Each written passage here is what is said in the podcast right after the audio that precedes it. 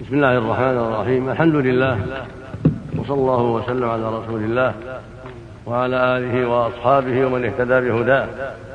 أما بعد فقد سمعنا جميعا هذه الندوة المباركة الطيبة القيمة التي تولاها أصحاب الفضيلة الشيخ محمد بن حسن الدريعي الشيخ محمد بن عثمان المنيعي الشيخ علي بن سليمان الصالحي في موضوع عظيم جدير بالعناية وهو موضوع حقوق النبي الكريم عليه الصلاة والسلام وبيان ما يجب علينا من حقه عليه الصلاة والسلام. وقد أجاد الإخوان المشايخ وأفادوا وبينوا ما يجب بيانه وأوضحوا ما ينبغي إيضاحه من حقه عليه الصلاة والسلام. فجزاهم الله خيرا. وزادنا وإياكم وإياهم علما وهدى. وضاعف لهم المثوبة. ورزقنا جميعا العلم النافع والعمل الصالح. وجعلنا جميعا ممن يستمع القول فيتبع أحسنه. لا ريب أن حقوقه عليه الصلاة والسلام عظيمة. وهي من تعظيم حق الله. تعظيمه صلى الله عليه وسلم وأداء حقه هو في الحقيقة من أداء حق الله.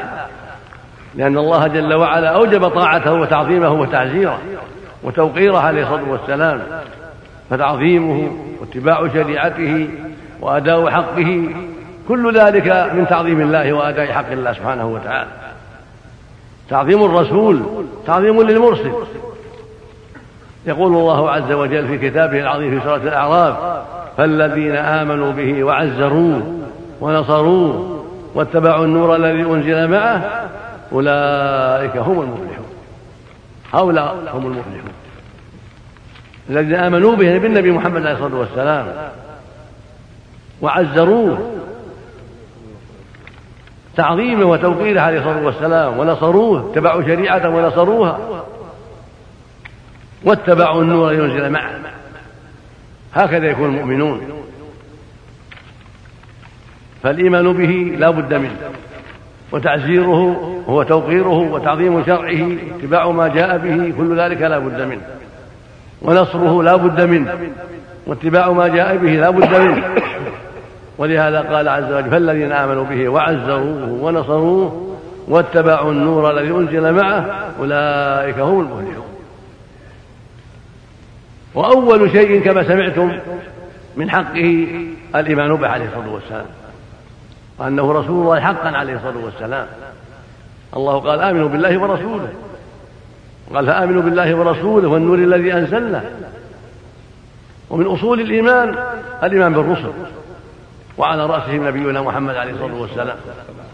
فلا بد من الإيمان به إيمانا صادقا يتضمن العمل. بما جاء به عليه الصلاة والسلام. وقد بدأ قومه بدعوتهم إلى أن يؤمنوا بأنه رسول الله وأن يوحدوا الله ويقولوا لا إله إلا الله. وهذا أول شيء من أصول الإسلام وأركانه. الإيمان بالله ورسوله. هذا هو الأصل الأول. وهو أصل السعادة. وهو أساس الملة. وهو الركن الأول من أركان الإسلام الخمسة. الإيمان بالله ورسوله الشهادة بأنه لا إله إلا الله وبأن محمدا رسول الله. وهكذا كان يعرض الإسلام على الناس. ويبدأ المسلم إسلامه بذلك بشهادة أن لا إله إلا الله وأن محمدا رسول الله. ولما بعث عليه الصلاة والسلام معاذا إلى اليمن داعيا ومعلما ومرشدا وقاضيا وحاكما وأميرا قال له فليكن أول ما تدعوهم إليه أن يشهدوا أن لا إله إلا الله وأني رسول الله. واللفظ الآخر فليكن أول ما تدعوهم شهادة أن لا إله إلا الله وأن محمدا رسول الله. واللفظ الآخر فادعوهم إلى أن يشهدوا أن لا إله إلا الله وأني رسول الله. وعلمه يدعوهم إلى توحيد الله فادعوهم إلى أن يوحدوا الله. يبين لهم معنى شهادة أن لا إله إلا الله وأن معناها توحيد الله وتخصيصه بالعبادة دون كل ما سواه. ليس مجرد كلام يقال لا. لو كان كلام يقال آمن الناس كلهم ما يضرهم الكلام. لكنه كلام وعمل. ولهذا قال سبحانه فمن يكفر بالطاغوت ويؤمن بالله فقد استمسك بالعروة الوثقى. لم في لها يكفر الطاغوت يعني يتبرأ من عبادة غير الله وينكرها ويعتقد بطلانها ويؤمن بأن الله هو المعبود بالحق سبحانه وتعالى وأنه لا إله سواه. يعني لا إله حق سواه جل وعلا. ولهذا لما سأل جبرائيل عليه الصلاة والسلام النبي صلى الله عليه وسلم عن الإسلام قال له أن تشهد أن لا إله إلا الله وأن محمدا رسول الله. وتقيم الصلاة وتؤتي الزكاة وتصوم رمضان وتحج البيت. ذكر لها أركان الإسلام. وفي اللفظ قال أن تعبد الله ولا تشرك به شيئا. وهذا هو معنى شهادة لا إله إلا الله. وفي حديث ابن عمر يقول صلى الله عليه وسلم بني الإسلام على خمس على أن يعبد الله وحده ويكفر بما دونه. واللفظ الآخر على أن يوحد الله وعلى إقام الصلاة وإيتاء الزكاة. واللفظ الثالث على شهادة أن لا إله إلا الله وأن محمدا رسول الله وإقام الصلاة إلى آخره. هذا هو أصل الدين وأساس الملة الشهادة بأنه لا معبود حق إلا الله وهذا هو معنى لا إله إلا الله. وهو معنى شهادة أن لا إله إلا الله. وهو معنى من يكفر بالطاغوت ويؤمن بالله. والشهادة بأن محمدا رسول الله. يعني الإيمان والشهادة الصادقة بأن محمد بن عبد الله بن عبد المطلب الهاشمي العربي المكي ثم المدني هو رسول الله حق عليه الصلاة والسلام. أرسله الله إلى الناس عامة إلى الجن والإنس والذكور والإناث والعرب والعجم والحكام والمحكومين والملوك والرؤساء إلى جميع الناس. قل يا أيها الناس إني رسول الله إليكم جميعا. هكذا أمره الله يقول للناس. قل يعني قل يا محمد الناس إني رسول الله إليكم جميعا. قال سبحانه وما أرسلناك إلا كافة للناس بشيرا ونذيرا. وما أرسلناك إلا رحمة للعالمين للجن والإنس وجميع العالمين. فلا بد من الإيمان بأنه رسول الله حقا إلى جميع الثقلين ولا بد من تحقيق هذا الإيمان بالعمل. باتباع الشريعة وتحكيمها وترك ما خالفها وتصديقه في أخباره عليه الصلاة والسلام. ولهذا ذكر أهل العلم في تفسير شهادة أن لا إله إلا الله بأن معناها طاعته فيما أمر وتصديقه فيما أخبر. واجتناب ما عنه نهى وزجر وأن لا يعبد الله إلا بما شاء. هذه كلمة أربع جمعت معنى الإيمان بالرسول صلى الله عليه وسلم ومعنى الشهادة للرسول بالرسالة. وأن هذه الشهادة تقتضي طاعة أوامره وترك نواهيه وتصديق أخباره وأن لا نعبد الله إلا بشريعته لا بأهوائنا وآرائنا وآراء الناس. لكن نعبد الله بما شرعه هو عليه الصلاة والسلام بما جاء به من صلاة وصوم وغير هذا من العبادات. ومن تصديق الرسول صلى الله عليه وسلم أن تؤمن بأن الله واحد لا شريك له. كأن لأنه أخبر بهذا عليه الصلاة والسلام. ودل عليه كتاب الله سبحانه وتعالى. قال تعالى فاعلم أنه لا إله إلا الله. واستغفر لذنبك. قال شهد الله أنه لا إله إلا هو. والملائكة أولو العلم قائما بالقسط لا إله إلا هو العزيز الحكيم. قال سبحانه وقضى ربك ألا تعبدوا إلا إياه. إياك نعبد وإياك نستعين. وما أمروا إلا ليعبدوا الله مخلصين له الدين وهذا هو معنى لا إله إلا الله. ولهذا قال سبحانه ذلك بأن الله هو الحق وأن ما يدعون من دونه هو الباطل. فمن دعا الرسول صلى الله عليه وسلم وعبده أو عبد الملائكة أو عبد بقية الرسل أو بقية أو الصالحين أو الأصنام أو الأشجار أو النجوم أو الشمس أو القمر أو غير ذلك فقد نقض لا إله إلا الله وخالفها وأشرك بالله عز وجل ولم تنفعه هذه الكلمة. حين يقول لا إله إلا الله وينقضها ما ينفعه لا. بد أن يحقق معناها بإخلاص العبادة لله وحده سبحانه وتعالى. وألا يعبد معه وألا يعبد معه سواه جل وعلا. وهكذا الرسول صلى الله عليه وسلم. لا بد من الإيمان بأنه رسول الله. هذا أعظم حق. أن تؤمن وتصدق بأنه رسول الله. أرسله الله كما أرسل نوحا وإبراهيم وموسى وعيسى وغيرهم. أرسله الله وأوحى إليه بأن يدعو الناس إلى توحيد الله وإلى طاعة الله وأن يعلمهم شريعة الله وأن يأمرهم بما أمره الله به وأن ينهاهم عن عما نهاهم الله عنه وأن يخبرهم بيوم القيامة وأخبار يوم القيامة والجنة والنار وعن مصير الناس وأن مصير المؤمن إلى الجنة وأن مصير الكفار إلى النار إلى غير ذلك مما أخبر به عليه الصلاة والسلام. فيجمع ذلك هذه الأمور الأربعة. طاعته في, في الأمر طاعته فيما أمر وتصديقه فيما أخبر. واجتناب ما عنه نهى وزجر وأن لا يعبد الله إلا بما شرع. تصدقه في أخباره عما قال عما كان وما يكون. عما أخبر به من الماضين من أمور الماضين. من الأمم والرسل الماضية وما كان في في قابل الزمان وماضي الزمان. وتصدقه أيضا فيما أخبر به فيما يكون في آخر الزمان.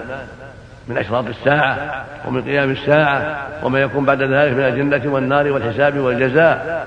كل هذا جاء به القرآن ودل عليه أحاديث الرسول عليه الصلاة والسلام. وكذلك تجتنب ما نهى عنه وزجر عنه من الشرك والمعاصي. كما جاء بذلك القرآن جاء في السنة. فالرسول بعثه الله بالنهي عن الشرك وعن سائر المعاصي التي نهى الله عنها. من العقوق والقطيعة وقتل الناس بغير حق والزنا وشرب المسكرات والغيبة والنميمة وأكل الربا إلى غير هذا مما نهى الله عنه الرسول ثم أمر الرابع وهو أن تعبد الله بالشريعة التي جاء بها لا بهواك تعبد الله بشريعته التي جاء بها النبي عليه الصلاة والسلام. ومن أمثلة ذلك من أمثلة ذلك مثلا حتى يكون الأمر واضحا الله جل وعلا أوجب علينا خمس صلوات. فلو أن إنسان قال نزيد صلاة سادسة نتعبد. صلاة سادسة نحط صلاة سادسة. نعبد الله. الضحى نحطها الساعة الضحى قبل الظهر ساعتين ثلاث صلاة جديدة. أو في وسط الليل. كانت تكون هذه بدعة باطلة وضلالة. كل بدعة ضلالة. ما نعبد الله بشيء من عند أنفسنا.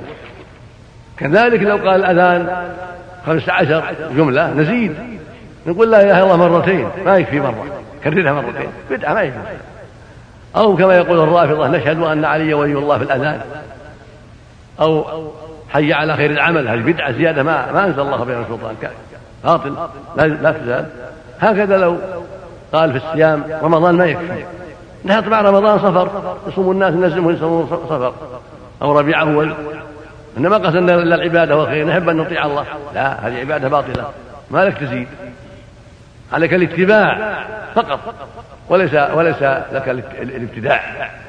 ولهذا قال جل وعلا أم لهم شركاء شرعوا لهم من الدين. ما لم يأذن به الله؟ ينكر عليهم سبحانه. ويقول جل وعلا ثم جعلناك يخاطب النبي صلى الله عليه وسلم ثم جعلناك على شريعة من الأمر فاتبعها. يعني الزمها ولا تتبع أهواء الذين لا يعلمون. إنهم لن يغنوا عنك من الله شيئا. ويقول جل وعلا وما آتاكم الرسول فخذوه وما نهاكم عنه انتهوا لا تبتدعوا فقط يكفي ما جاء به عليه الصلاة والسلام. ويقول النبي صلى الله عليه وسلم في خطبته في الجمع يقول أما بعد فإن خير الحديث كتاب الله وخير الهدي هدي محمد صلى الله عليه وسلم وشر الأمور محدثاتها وكل بدعة ضلالة. في الخطب يوم الجمعة حتى ينتبه الناس. وكل ضلالة في النار. وقال عليه الصلاة والسلام من أحدث في أمرنا يعني في ديننا هذا يشير الدين الذي بعث الله به نبيه ما ليس منه فهو رد. يعني فهو مردود على من أحدثه. ويقول عليه الصلاة والسلام من عمل عملا ليس عليه أمرنا فهو رد. والناس الآن أكثرهم أحدثوا بنوا على القبور حطوا عليها القباب والمساجد تأسيا باليهود والنصارى. قال عليه الصلاة والسلام لعن الله اليهود والنصارى اتخذوا قبور أنبيائهم مساجد طافوا بالقبور ودعوا أهلها من دون الله واستغاثوا بهم من دون الله كما تفعل الرافضة وغير الرافضة من غلاة من ينتسب للإسلام حتى عبدوا القبور واستغاثوا بالقبور واستغاثوا بالأموات. يجي عند قبر يا سيدي فلان أنا في حسبك.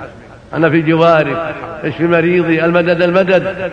كما يفعل عند كثير من القبور عند البدوي وعند الحسين وعند الشيخ عبد القادر وعند ما يسمون قبر علي أو قبر فلان أو فلان. كل هذا من عمل الغلاة من الرافضة وغير الرافضة من يغلو في في الأولياء والأنبياء. هذا كله مناقض لما جاء به الرسول صلى الله عليه وسلم. الله يقول وقضى ربك ألا تعبدوا إلا إياه. ويقول وما أمروا إلا يعبدوا الله ورسوله له الدين. ويقول إياك نعبد وإياك نستعين وهؤلاء الجهلاء الظلمة الغالون المفرطون. يقولون لا بل نعبد مع الله هؤلاء الأولياء. يقربوننا إلى الله مثل فعل المشركين. المسلمين الأولين هكذا فعلوا. قال الله عنهم سبحانه ويعبدون من دون الله ما لا يضرهم ولا ينفعهم. ويقولون هؤلاء شفعاؤنا عند الله. يعبدونهم ويشفعون لنا عند الله. وهكذا يقول جل وعلا ولن اتخذوا من دونه أولياء ما نعبدهم إلا ليقربونا إلى الله فهذا معناه إبطال ما دعا إليه النبي صلى الله عليه وسلم. فالرسول دعا إلى توحيد الله واتباع شريعته وتعظيم أمره ونهيه وقال لا تطروني كما أطرت النصارى ابن مريم إنما أنا عبد فقولوا عبد الله ورسوله. وهؤلاء الغلاة من الرافضة وغير الرافضة يطرونه ويدعونه من دون الله ويستغيثون به وينادونه من بعيد يا رسول الله اشف مرضانا؟ المدد المدد يا علي يا حسن يا حسين يا بدوي يا فلان يا فلان. نسوا الله فنسيهم نسأل الله العافية. هذا البلاء العظيم والشرك الوخيم نسأل الله العافية. فهذا مضاد لحقه صلى الله عليه وسلم ومضاد لحق الله أكبر سبحانه وتعالى. فإن حق الله يعبد وحده وحق الرسول أن يطاع فلا يعبد من دون الله بل يعبد الله وحده. أما الرسول حقه أن يطاع. ويتبع ويحب محبة صادقة بعد محبة الله تابعة لمحبة الله تقتضي اتباع شريعته والقيام بما جاء به وترك ما خالف ذلك. كما قال الله سبحانه قل إن كنتم تحبون الله. يعني قل يا رسول الله للناس قل يا محمد للناس. تسمى آية المحنة. قل يا محمد للناس إن كنتم تحبون الله فاتبعوني يحبكم الله ويغفر لكم ذنوبكم. فمن كان صادقا في محبة الرسول عليه الصلاة والسلام فليتبعه. ولينقد لما جاء به هذه العلامة العلامة الصادقة والبرهان الساطع على أنك تحب الرسول صلى الله عليه وسلم أن تتبع ما جاء به وأن تنقاد لأوامره فتكون مع المصلين ومحافظين على الصلاة مع المزكين مع الصائمين مع الحجاج لأداء الفريضة مع المجاهدين في سبيل الله مع الأمر بالمعروف والنهي عن المنكر مع التاركين لما حرم الله من المعاصي. هذا هو اللي يحب الله ورسوله. أن ينقاد لشرع الله ويتبع ما جاء به رسول الله عليه الصلاة والسلام. وأما الذين غلوا في الرسول صلى الله عليه وسلم فقد سمعتم من المشايخ ما في الكفاية لا من جهة الرافضة الذين غلوا في أهل البيت وعبدوهم من دون الله وزادوا على هذا حتى قالوا في أئمتهم إنهم يعلمون الغيب وإنهم معصومون. هذا من البلاء العظيم والشرك الوخيم والجهل الفاضح نسأل الله العافية.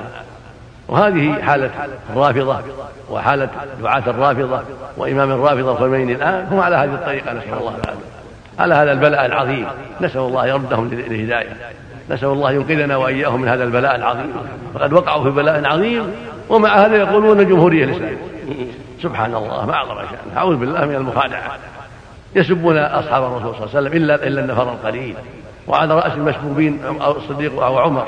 أفضل الصحابة يسبون ويلعنون. كيف يكون هذا حب الله ورسوله؟ كيف يكون على دين الإسلام؟ من حق الرسول صلى الله عليه وسلم محبة أصحابه. من حق الرسول محبة أصحابه. وعلى رأسهم أبو بكر وعمر. هم أفضل الصحابة. هذان الشخصان هما أفضل الصحابة. ثم عثمان ثم علي أربعة. هؤلاء هم أفضل الصحابة. فكيف يغلى في علي ويسب الثلاثة؟ وهم أفضل من علي رضي الله عن الجميع ثم كذبوا في حبهم. لا يكذبون ما حبوا علي ولا أهل البيت. كله كذب. إنما هي دعوة إلى الشرك بالله وإلى دين الفرس. نسأل الله العافية. لو أحبوا عليا لا أحبوا الصحابة جميعا. وش بينه وبينهم؟ هم إخوانه وهم أحبابه. فمن أحب عليا عليه يحب الصحابة جميعا. ويعظم أمرهم ويتبع طريقهم الطيب. والنبي عليه الصلاة والسلام يقول خير أمتي قرني. من هم قرنه؟ الصحابة. خير الناس قرني هم الصحابة. ثم الذين يلونهم ثم الذين يلونهم. ويقول في الحديث الصحيح لا تسبوا أصحابي هو الذي نفسي بيده. لو أن أحدكم أنفق مثل أحد هذا جبل العظيم المدينة.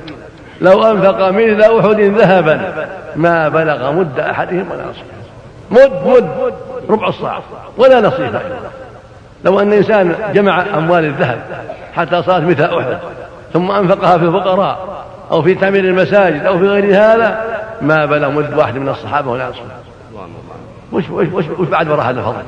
العظيم. ثم هؤلاء يسبونهم ويلعنون أغلبهم ويكفرونهم. إذا كان الصحابة كفروا من حمل الشريعة إلا هم هم اللي حملوا الشريعة. هم اللي حملوا القرآن حملوا السنة. فإذا سبوا بطل الدين. إذا سبوا وصاروا كفار أو منافقين أو فساق ما معناه بطل الدين؟ انتهى هم حملة الدين. نسأل الله. نسأل الله السلامة والعافية. المقصود الواجب على أهل الإسلام أن ينتبهوا وأن يتبصروا في دينهم وأن يعلموا أنه لا طريق للنجاة إلا من طريق القرآن واتباع محمد صلى الله عليه وسلم. هذا هو الطريق. وإن يقول الله في حق نبيهم وإنك لتهدي إلى صراط مستقيم. تهدي ترشد إلى صراط مستقيم. إن تدل الناس. أما هداية القلوب هذه بيد الله. هذه القلوب بيد الله. ليس عليك هداهم ولكن الله يهدي ولكنه أرشد إلى الخير ودل على الخير بكلامه وأفعاله عليه الصلاة والسلام. فلهذا قال الله في حقه وإنك لتهدي إلى صراط مستقيم. فالصراط المستقيم هو دين الله الذي بعث به نبيه عليه الصلاة والسلام وهو الذي قال فيه اهدنا الصراط المستقيم. علمنا أن نقول في قراءتنا للفاتحة نقول اهدنا الصراط المستقيم. صراط الذين أنعمت عليهم. وش هو الصراط؟ توحيد الله وطاعة رسوله هذا الصراط. توحيد الله وطاعة رسوله محمد صلى الله عليه وسلم. هذا هو الصراط. وهو طريق منعم عليهم. صراط الذين أنعمت. من هو المنعم عليهم؟ الصحابة وأتباعهم. هم المنعم عليهم. الذين عرفوا الحق وعملوا به. وعلى رأسهم أصحاب النبي صلى الله عليه وسلم. وعلى رأسهم. ثم التابعون ثم أتباعهم وهكذا. ويقول الله فيهم جل وعلا والسابقون الأولون من المهاجرين والأنصار والذين اتبعوهم بإحسان رضي الله عنهم ورضوا عنه. وأعد لهم جنات تجري تحتها الأنهار. خالدين فيها أبدا. ذلك الفوز العظيم. هذا خبر الله فيه الصحابة رضي الله عنهم وأتباعهم بإحسان. فحبهم دين. حبهم دين يدان الله به. وحبهم من طاعة الله ورسوله. وحبهم من حب الله ورسوله. وهكذا حب المؤمنين.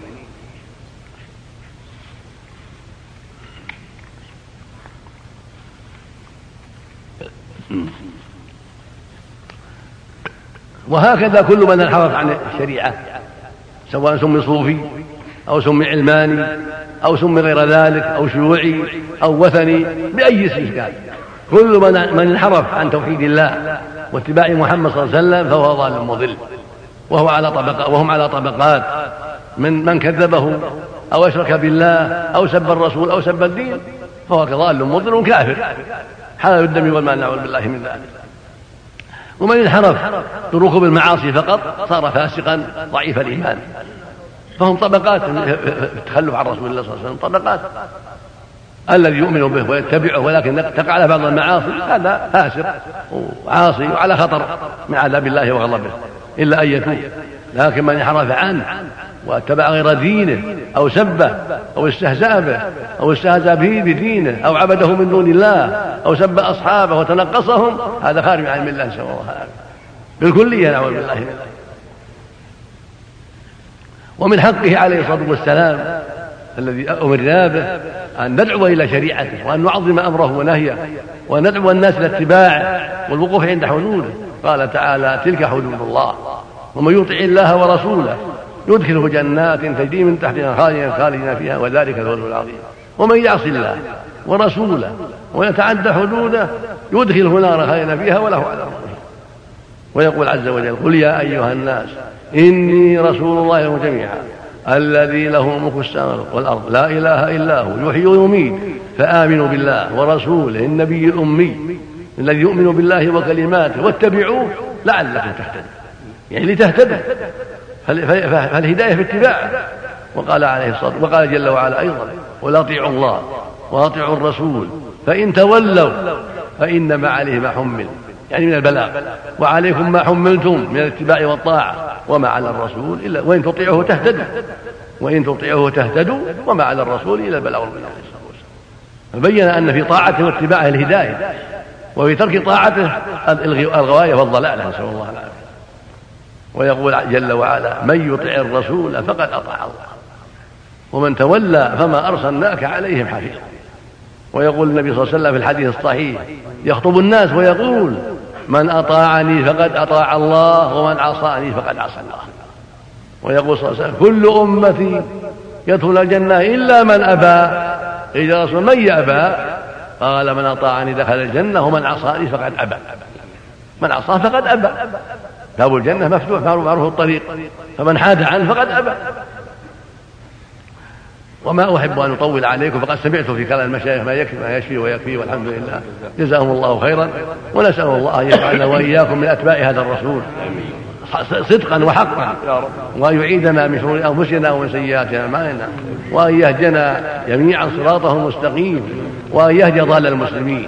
وأن يهدي جميع أهل الأرض من الجن والإنس لاتباع هذا النبي العظيم. وأن يرزقنا وإياهم البصيرة والفقه في الدين حتى نعبد الله وحده وحتى نتبع شريعته وحتى نسير خلف رسوله عليه الصلاة والسلام فيما جاء به من الأوامر والنواهي وحتى نعرف لأصحابه حقهم وفضلهم وحتى نحبهم المحبة الصادقة تبعا لمحبته عليه الصلاة والسلام.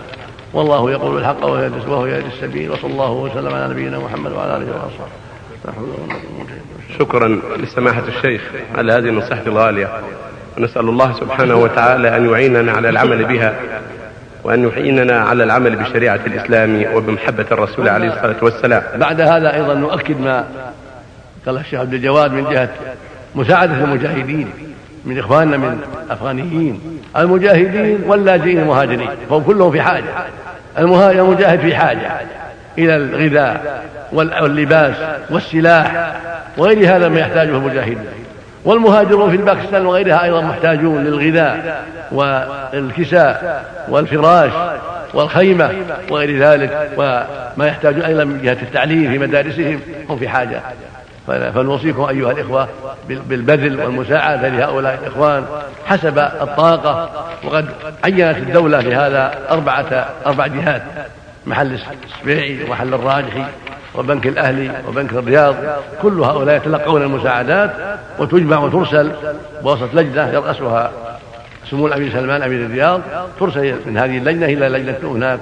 شكلت الحكومة تقوم بتوزيع هذه الأموال في السلاح وغير هذا من الغذاء وفي المهاجرين والمجاهدين على طريقة رسمت لهم.